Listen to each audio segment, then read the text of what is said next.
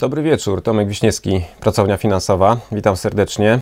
Informacja na temat e, dzisiejszego spotkania. 10 mm, najczęstszych błędów dotyczących inwestowania, 10 najczęstszych błędów inwestora. Na Facebooku była informacja e, z podpisem, czego nie robić, żeby zacząć zarabiać. Ktoś napisał, nie wiem, czy jest dzisiaj z nami na webinarze, że żeby zacząć zarabiać, to trzeba przestać tracić. No jest to poniekąd prawdą, bo jak się dzisiaj okaże w trakcie wydarzenia, mm, samo przestanie tracenia to nie, niekoniecznie e, załatwia nam sprawę zarabiania, ponieważ jest jeszcze inflacja, jest e, spadek wartości pieniądza. O tym wszystkim będziemy dzisiaj mówili. Mm, ja zajmuję się inwestycjami profesjonalnie od 10 y, lat. Wtedy odszedłem z korporacji i od razu trafiłem do branży inwestycyjnej. Jeszcze nawet zanim e, nie w inwestowaniu, bo pierwsza taka inwestycja to już miała miejsce e, gdzieś tam w szkole średniej, gdzie zainwestowałem e, w jeden z takich popularnych wtedy łańcuszków, gdzie no, drobne pieniądze się wysyłało jakimś osobom, a potem liczyło, że wrócą do nas z dwojoną siłą. No i czę często nie wracały niestety, więc jeden z kilku błędów dotyczących inwestowania, jakie popełniłem, to już w trakcie mojej edukacji jeszcze w średniej szkole. No i potem były coraz większe inwestycje, coraz większe. Będę starał się dzisiaj mówić o nich jako o przykładach tych inwestycji, które dzisiaj będziemy, tych błędów, które będziemy dzisiaj omawiać. No i ważna informacja, ta droga dziesięcioletnia zaprowadziła, no wcześniej nawet niż 10 lat temu, zostałem wiceprezesem jednej z największych firm crowdfundingowych w Polsce, czyli tak zwanego inwestowania grupowego, jako alternatywy dla można powiedzieć, albo tradycyjnych form inwestowania, albo takich, e, takiego inwestowania na rynku e, finansowym, na tak zwanej inżynierii finansowej. Inwestujemy w tak zwaną realną wartość, czyli zbieramy kapitał na coś, co fizycznie powstaje, a nie tylko, e, nie jest to tylko kapitał spekulacyjny.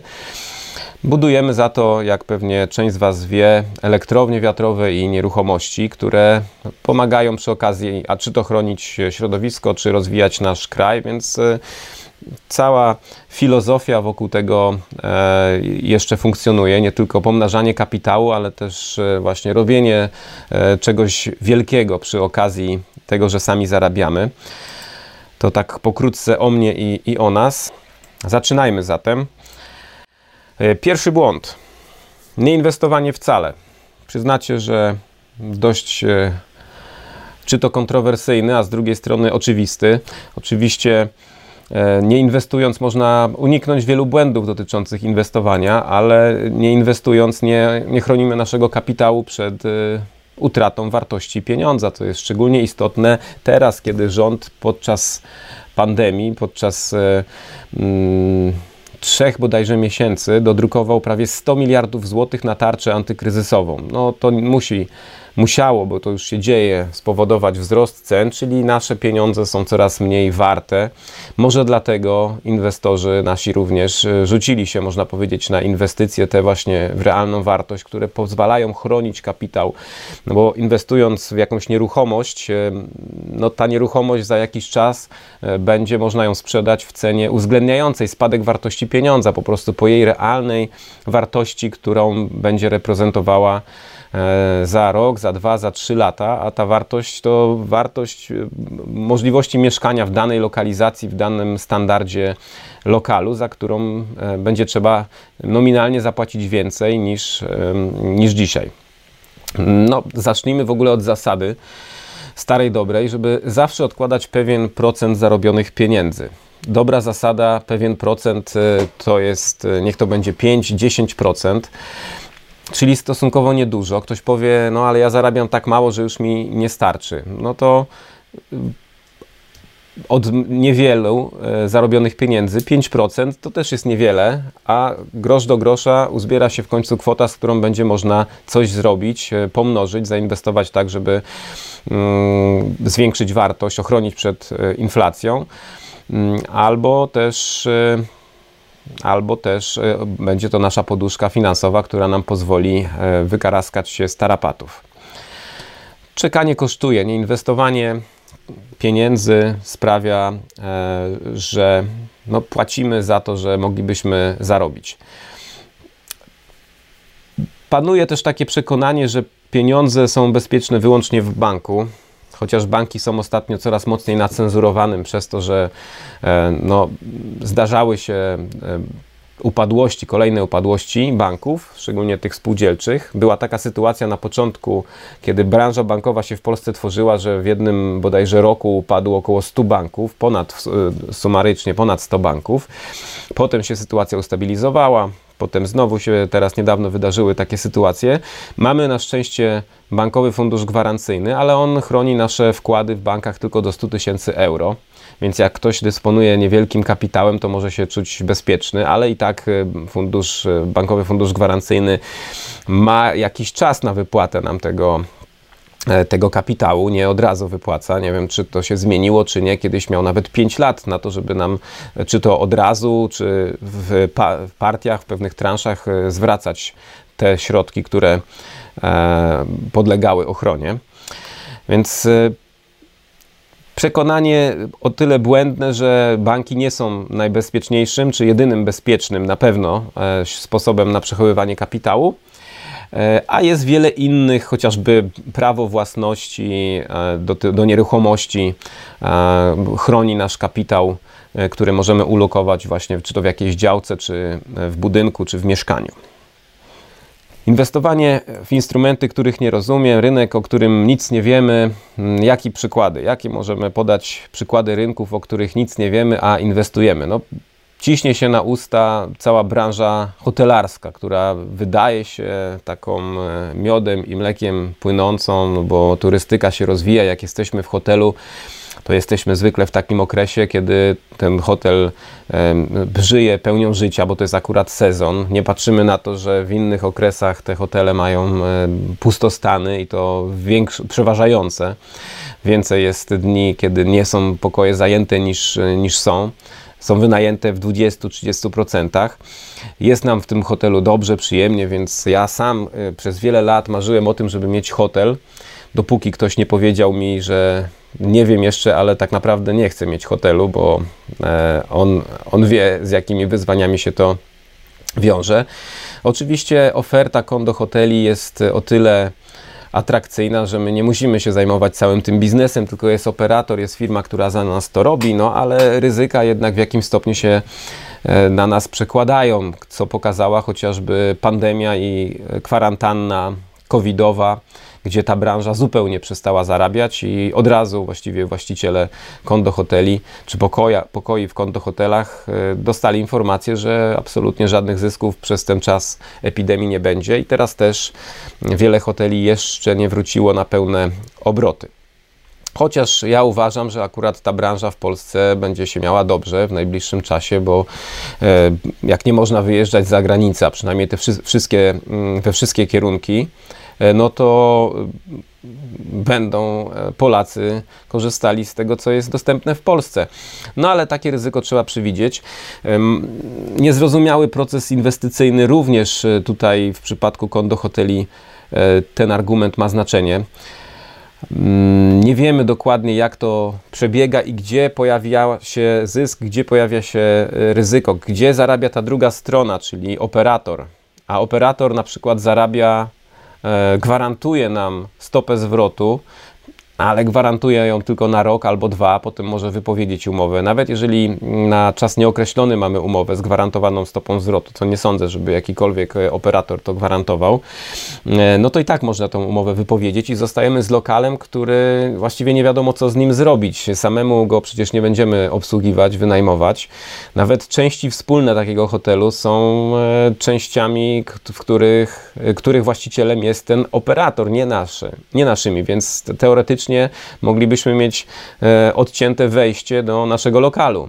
Ten lokal też nie jest e, pełnoprawnym lokalem mieszkalnym, który można byłoby sprzedać, bo jest e, niepełna kuchnia na przykład, albo nie ma kuchni w ogóle, więc no szereg takich niejasności, które, o których często inwestujący w kondohotele nie wiedzą. E, niezrozumiały proces inwestycyjny, tutaj mogę też e, powiedzieć o pewnym swoim e, błędzie inwestycyjnym, bo kiedyś zachęcony wynikami funduszy nieruchomości zainwestowałem w taki fundusz, jeden z funduszy nieruchomości, który jak się okazało po 10, teoretycznie miało być to 10 lat, okazało się, że po 13 latach dopiero wypłacił i nie kapitał plus zysk, tylko z zainwestowanego kapitału 10% zaledwie otrzymałem, bo okazało się, że ten fundusz nieruchomości wcale nie inwestował w nieruchomości, tylko w akcje spółek albo jakieś inne papiery e, spółek, firm, które coś miały wspólnego z nieruchomościami. Niektóre z nich to były nawet e, spółki, które e, produkowały jakieś elementy wyposażenia wnętrz. Błąd trzeci. Inwestowanie zbyt ostrożne lub zbyt zuchwałe. Po pierwsze, no właściwie na to zbyt ostrożne mam tylko jeden punkt tutaj wypisany. Bardzo niska kwota inwestycji może nam, nas zniechęcać do tego, żebyśmy w ogóle chcieli się zajmować tą inwestycją. Zarabiamy na niej na tyle relatywnie mało, że w ogóle mm, nie chcemy jej kontrolować, zapominamy o niej tracimy kontrolę, po czym okazuje się, że zmieniło się coś tak diametralnie, że straciliśmy w ogóle tą inwestycję, e, a zainwestowane środki lepiej było dołożyć albo przenieść, albo zainwestować e, w coś innego. Natomiast więcej tych ryzyk wiąże się z inwestowaniem zbyt zuchwałym i zbyt chciwym. I bo, bo, jest to po prostu ryzykowne, a jak nakręcimy się jeszcze na daną inwestycję, to jesteśmy w stanie, jesteśmy skłonni nawet zapożyczać się na to, żeby w nią zainwestować. No ja aż takiego błędu nie popełniłem, ale przeznaczyłem kiedyś swego czasu 70 tysięcy na daną inwestycję i to było rozsądne, bo to była inwestycja wysokiego ryzyka. Potem jak mi się ona z biegiem czasu coraz bardziej podobała coraz bardziej zaczynała e, no, wydawała się coraz bardziej e, zyskowna i coraz mniej ryzykowna, to zwiększyłem tą kwotę do 100 tysięcy i zupełnie niepotrzebnie, bo te 70 to było na ten moment optymalna kwota, którą powinienem był w tą inwestycję zainwestować. 100 okazało się za dużo. E, no i wchodzi tutaj mechanizm, który często nas gubi, czyli no, mechanizm stosowany często przez jakieś, mm, czy to internetowe, czy nieinternetowe piramidy finansowe, które pozwalają zarabiać, e, wypłacają często nawet zyski e, po to, żeby pokazać, jak inwestycja zarabia. Czy to pokazują, czy nawet wypłacają. No i jak ktoś zarabia, dopóki nie odzyska całego kapitału, no to nie jest jeszcze to bezpieczne. Mm, ja i tutaj akurat E, to uważam za, e, za sukces. Wchodząc kiedyś e, z małą kwotą, na szczęście, w coś takiego, w jedną z taki, jeden z takich programów, udało mi się odzyskać całą zainwestowaną kwotę.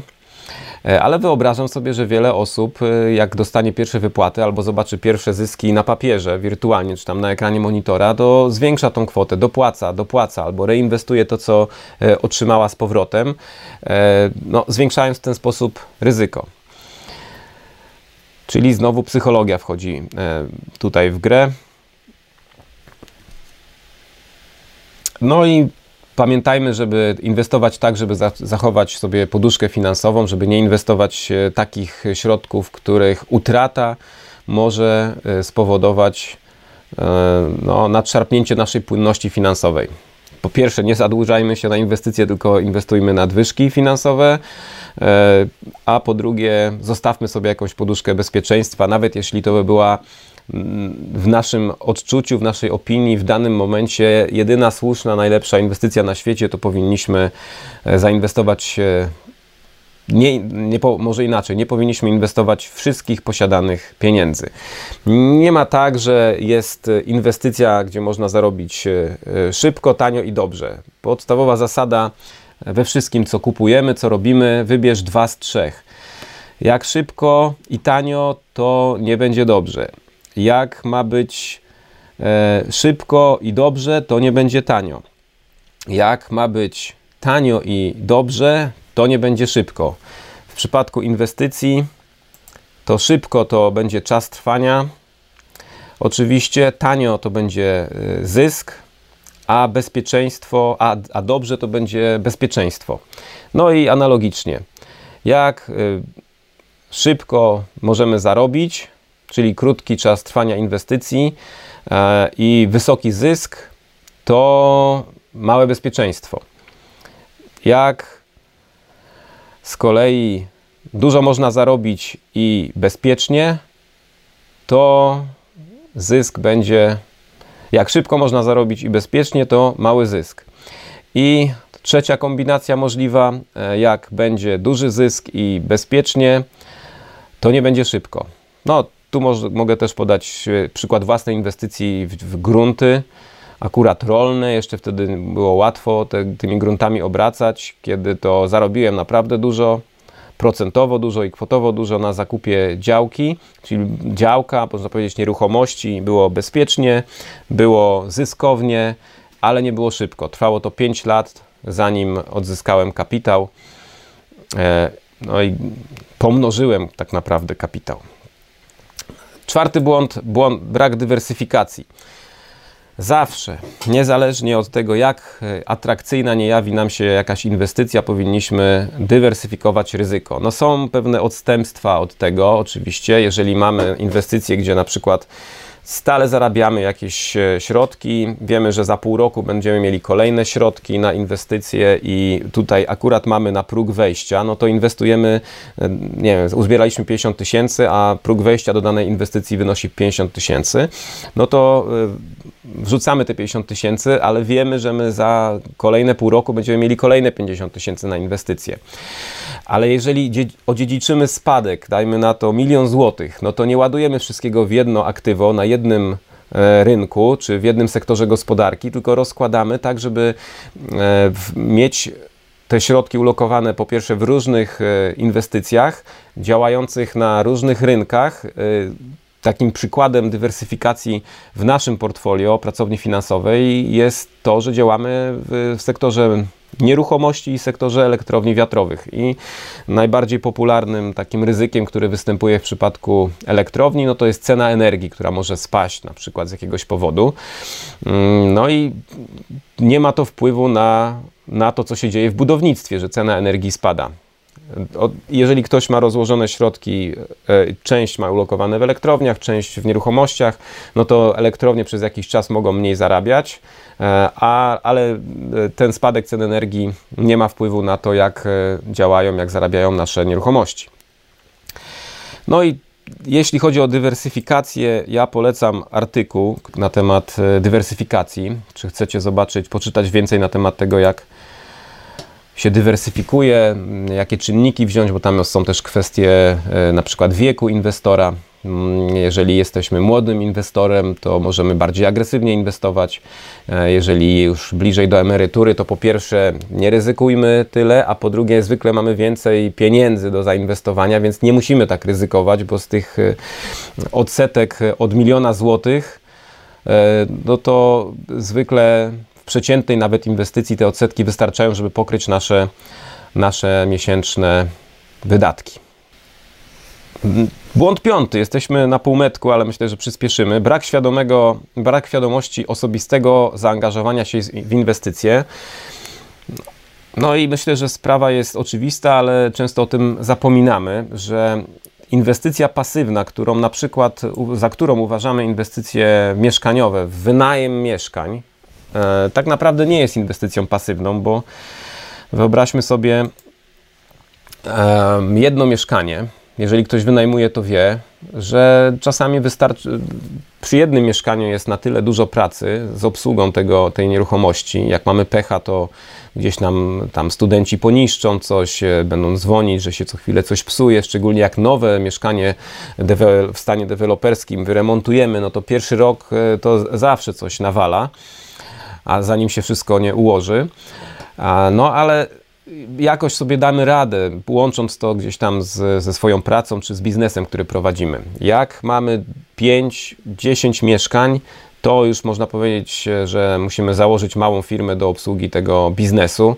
Musimy albo sami przeznaczyć część czasu na to, żeby tam te mieszkania pokazywać nowym wynajmującym, najemcom, remontować co jakiś czas, e, przyjmować opłaty, monitorować, czy nie zalegają, nie tylko nam, ale też jeżeli mamy taki model biznesowy, to gdzieś tam w spółdzielni. No jest tej pracy bardzo dużo.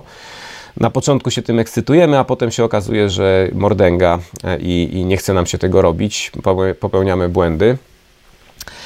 E, weryfikacja tych, tych najemców, jeżeli nie korzystamy z agencji profesjonalnej, a to też oczywiście są, generuje koszty. E, więc nie jest to w pełni pasywny biznes, mimo że za taki jest uważany i taki się wydaje.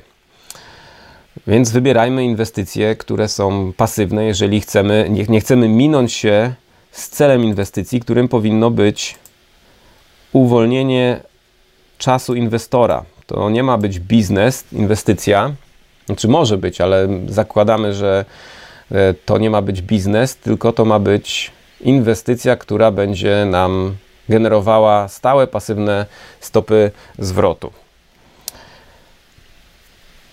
No i musimy wliczyć swój czas, tak? Jeżeli e, nie chcemy wliczać swojego czasu, czyli tak naprawdę e, czas, czyli koszt utraconych korzyści. My na przykład jesteśmy świadomi, jesteśmy zdania, że nasi inwestorzy są dobrzy w tym, co robią, no bo zarabiają duże pieniądze i mają te nadwyżki finansowe, więc niech robią to, w czym są dobrzy, niech nadal zarabiają te pieniądze, a nie uczą się nowego biznesu, jakim jest na przykład deweloperka, gdzie trzeba e, oczywiście, e, nawet taka zasada e, budowania własnego domu o tym mówi, żebyśmy pierwszy dom wybudowali dla wroga, drugi dla przyjaciela, a trzeci do, dopiero dla siebie, więc e, jeżeli budujemy, mm, traktujemy budowę domu czy osiedla domów jako, jako biznes, no to tak samo będziemy e, popełniać, popełniać błędy początkującego przy tych pierwszych dwóch inwestycjach co najmniej, dopiero trzecia e, pójdzie gładko, a może i nie pójdzie. Więc y, sprawdźmy, czy to, w co inwestujemy, to będzie naprawdę inwestycja pasywna, czy musimy do tych odsetek, które gdzieś tam e, nam się jawią, tego zysku, który nam się jawi, wliczyć czas. Nie tylko błędy początkującego, ale także czas, który musimy przeznaczyć, albo zapłacić komuś innemu, albo zapłacić jakiejś firmie zewnętrznej, która pomniejszy jeszcze nam ten zysk, który gdzieś tam jest w ofercie pokazany. Błąd szósty, bagatelizowanie ryzyka. Myślę, że zdarzyło się każdemu, kto uważał, że trafił na e, żyłę złota, pierwszy, szybciej niż wszyscy inni, odnalazł idealną, genialną inwestycję, która mm, po pierwsze generuje bardzo duże zyski, po drugie wydaje się bardzo bezpieczna, i ponieważ jesteśmy pierwsi na tym rynku, jedni z pierwszych, to na pewno zarobimy, ewentualnie mogą stracić ci, co wejdą później.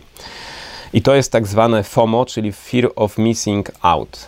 Taki strach przed pominięciem, strach przed e, niezałapaniem się na trend rynkowy. Chcemy w tym być, nie rozumiemy tego do końca, ale inwestujemy, bo wszyscy tak robią. Trzeba pamiętać, że im większe spodziewane zyski, tym większe ryzyko, i to jest y, podsumowane ładnie w takim określeniu, że zysk jest premią za ryzyko.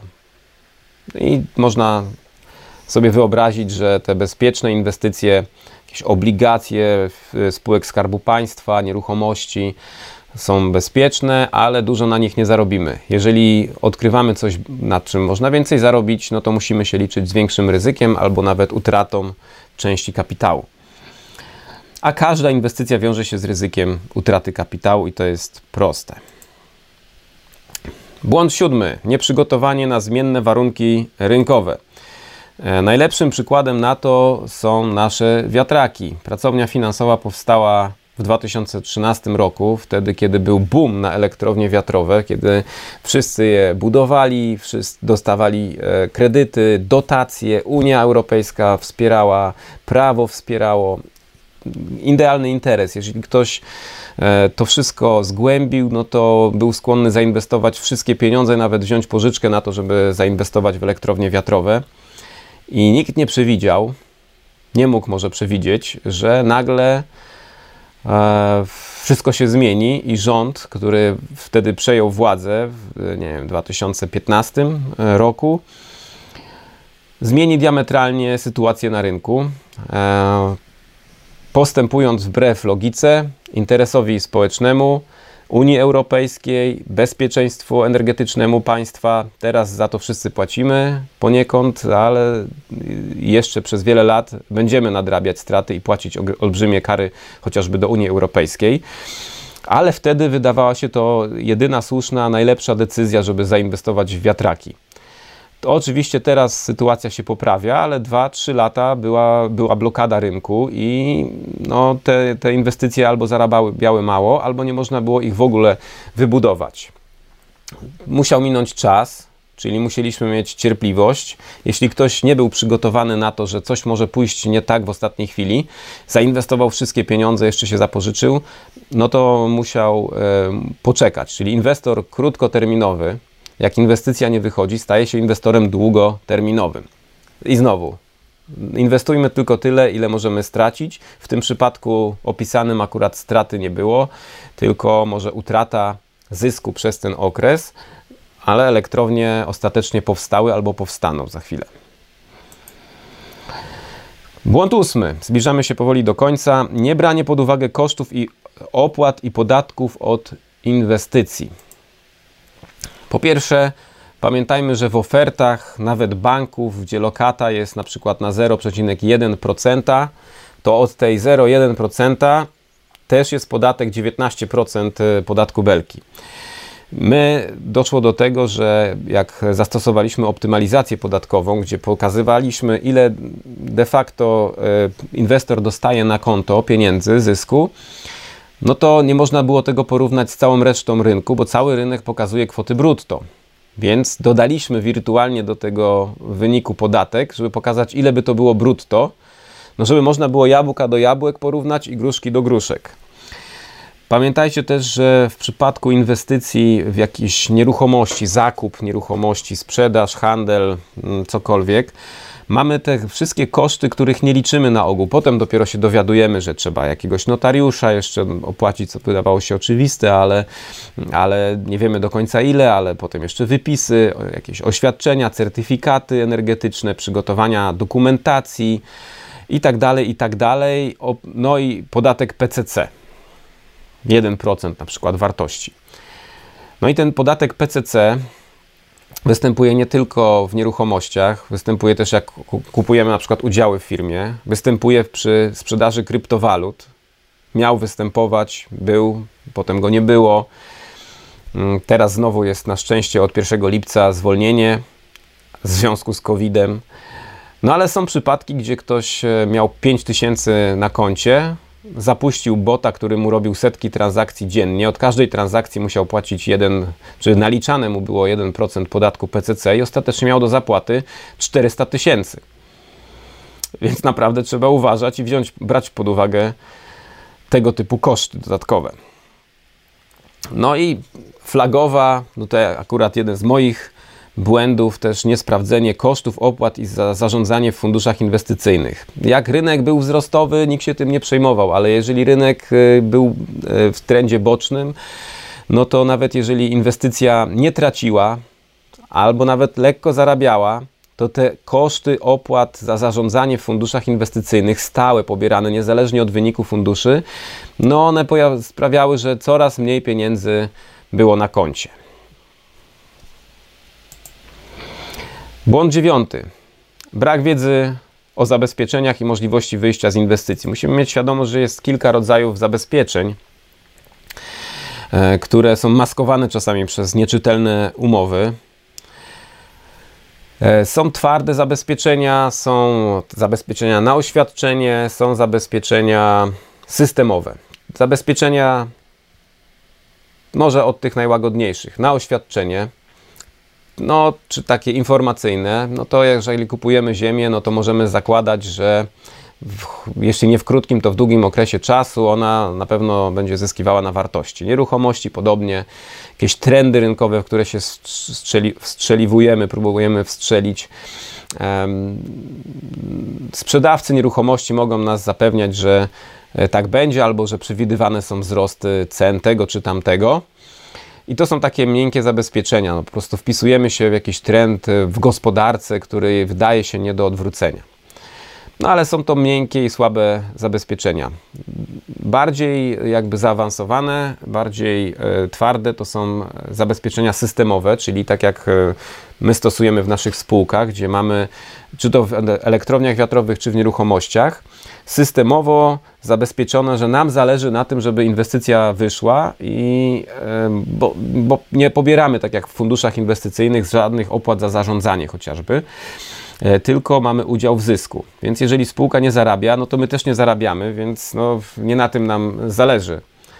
Nie mamy żadnego, żadnej pensji prezesa w tej spółce, czy jakichkolwiek pracowników, którzy by pobierali pensję za to, że ta spółka istnieje, więc no, zależy nam na tym, że jak już powołujemy spółkę, zapraszamy inwestorów, to żeby ona zarabiała i to zarabiała jak najwięcej, wypłacała jak najczęściej. To jest takie zabezpieczenie systemowe. Mm, ktoś, kto wstępuje do takiej spółki, to jego to przekonuje, jeśli jest przedsiębiorcą na przykład, albo ma ten mindset przedsiębiorcy. No i najtwardsze zabezpieczenia to niech to będą na przykład trzy siódemki, czyli takie, e, taki zapis e, zastawiający majątek na, na, e, na poczet długu. A jeszcze bardziej zaawansowane to zabezpieczenie na przewłaszczenie. I to już jest grube zabezpieczenie, ponieważ na czas do spłaty długu stajemy się właścicielami danej na przykład nieruchomości. I jeśli nie spłacimy, nie, nie spłaci nam ktoś tego zobowiązania, no to automatycznie stajemy się, czy zostajemy nadal właścicielem w przypadku trzech siódemek to można wnioskować o przyjęcie tej nieruchomości, a zabezpieczenie na przewłaszczenie nawet nie trzeba wnioskować, bo już jesteśmy właścicielem tej nieruchomości i uprawomacnia się jeszcze ten, można powiedzieć w skrócie, ten tytuł do nieruchomości, jeśli e, spłata zobowiązania nie będzie miała miejsca. Więc dbajmy o to, żeby w inwestycji były jasno określone zabezpieczenia. E, jak i doprecyzujmy, jakie są możliwości wyjścia z tej inwestycji i koszty, no bo mm, wyobrażam sobie, że w sprawie każdej inwestycji można wejść, tylko wyjść, tylko kwestia kosztów. Można wyjść, nie wiem, w ekstremalnym wypadku, na przykład za złotówkę z danej inwestycji symboliczną. Można sprzedać swoją nieruchomość 10% poniżej ceny o spodziewanej, 20%. Wszystko kwestia czasu. Jeżeli chcemy sprzedać tego samego dnia, no to pewnie znajdziemy nabywcę na e, daną nieruchomość za 50% ceny, nawet w ciągu jednego dnia.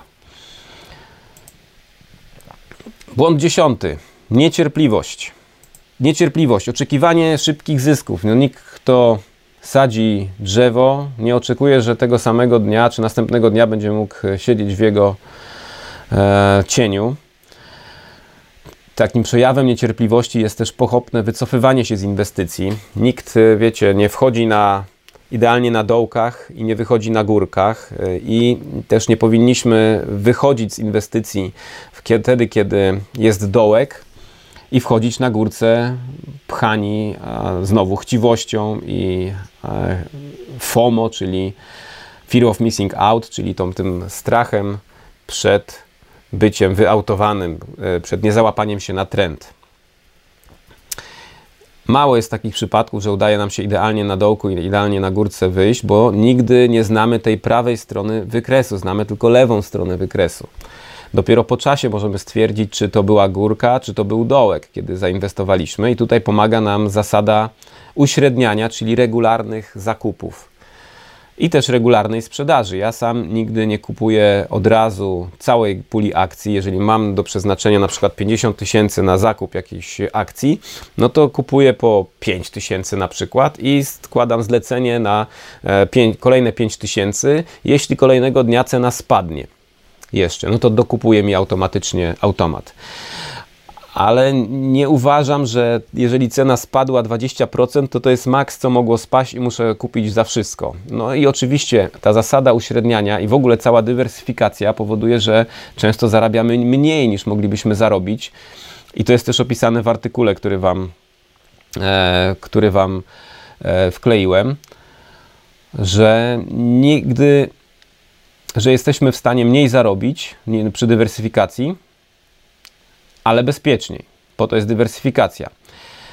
Gdybyśmy się wstrzelili w jakiś trend, kupili faktycznie na dołku, no to zarobilibyśmy więcej niż dywersyfikując, niż rozkładając ryzyko na różne aktywa i kupując przy uśrednianiu. Ale historia pokazuje, że jak coś może pójść nie tak, to często idzie nie tak, prawa Marfiego.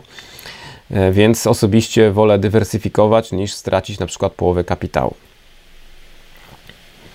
No i polecam też e, założyć sobie granicę wytrzymałości i mieć plan na to inwestowanie, bo jeżeli ktoś mnie pyta, sprzedałem, zarobiłem na przykład, kupiłem po 50, sprzedałem za 90, ale następnego dnia już jest po 120. Czy nie żałujesz, że nie sprzedałeś, nie poczekałeś? No, może trochę żałuję, ale mój plan był taki akurat, żeby sprzedać po 90 i ja swój plan zrealizowałem. Tak samo przy spadkach. Jeżeli spadnie poniżej, automat ustawiony, ustawiony jest, który sprzedaje, jeżeli spadnie poniżej.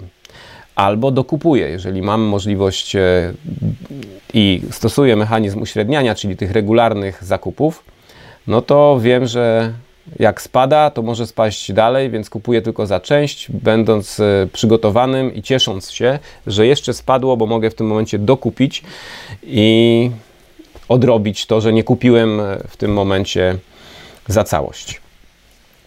Dobrze. Podsumowując, inwestuj. Inwestowanie jest e, koniecznością, chociażby dlatego, żeby mieć jakąś poduszkę finansową. Nie można liczyć na ZUS w dzisiejszych czasach albo na jakąś e, inną instytucję, która być może za jakiś czas za, zastąpi ZUS. No bo nawet jeżeli dostaniemy jakieś pieniądze z tego tytułu, no to zakładam, że nie będą one nas satysfakcjonowały. Jeżeli ktoś dostał jakieś wyliczenie z ZUS-u, ile, mu, ile go czeka emerytury, no to pewnie wie o czym mówię. A ja osobiście mam cel taki, żeby nie tylko liczyć na, na, na jakiś dodatek do emerytury, tylko żeby zostać rentierem z jakiegoś portfela e, inwestycyjnego, który będzie mi wcześniej dawał pasywne zyski, które pokryją moje koszty i taki, taki cel polecam sobie też założyć. No i tutaj znowu e, taka szkoła jednego z guru inwestowania, przynajmniej e, osoba, która, która bardzo, bardzo ma duże, dużą wiedzę na ten temat i praktykę, mówi, że inwestowanie do, dla uzyskania dochodu pasywnego to są jak dwie różne drogi, autostrady. Jedziemy, wyjeżdżamy, wjeżdżamy na autostradę, możemy pojechać albo w lewo, albo w prawo. E, no i z jednej strony mamy zysk, a z drugiej strony mamy dochód pasywny. Z tym Was tak zostawię, nie będę tego omawiał um, bardziej szczegółowo, ale albo chcemy zarobić, albo zbudować dochód pasywny, który będzie kapał nam i pokrywał koszty działania.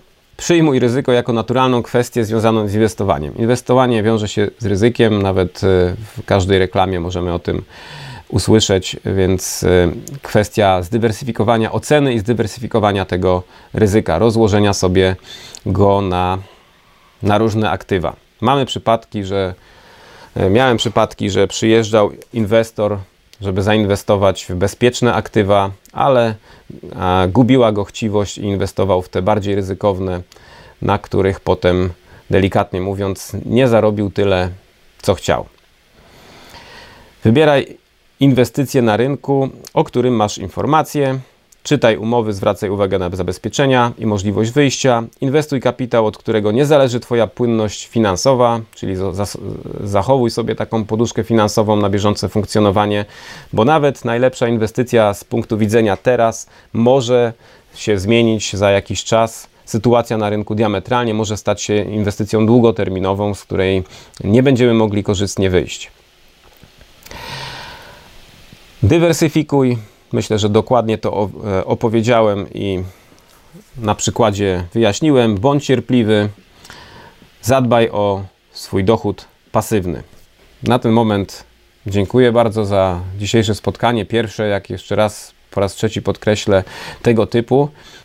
Dobranoc Państwu, pozdrawiam serdecznie. Tomek Wiśniewski, pracownia finansowa.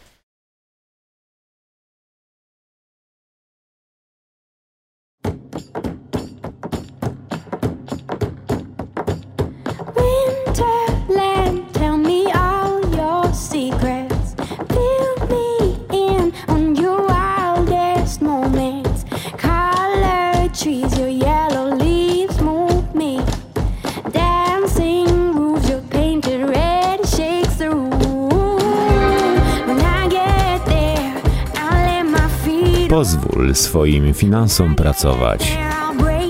Pracownia finansowa. Inwestycje w realną wartość.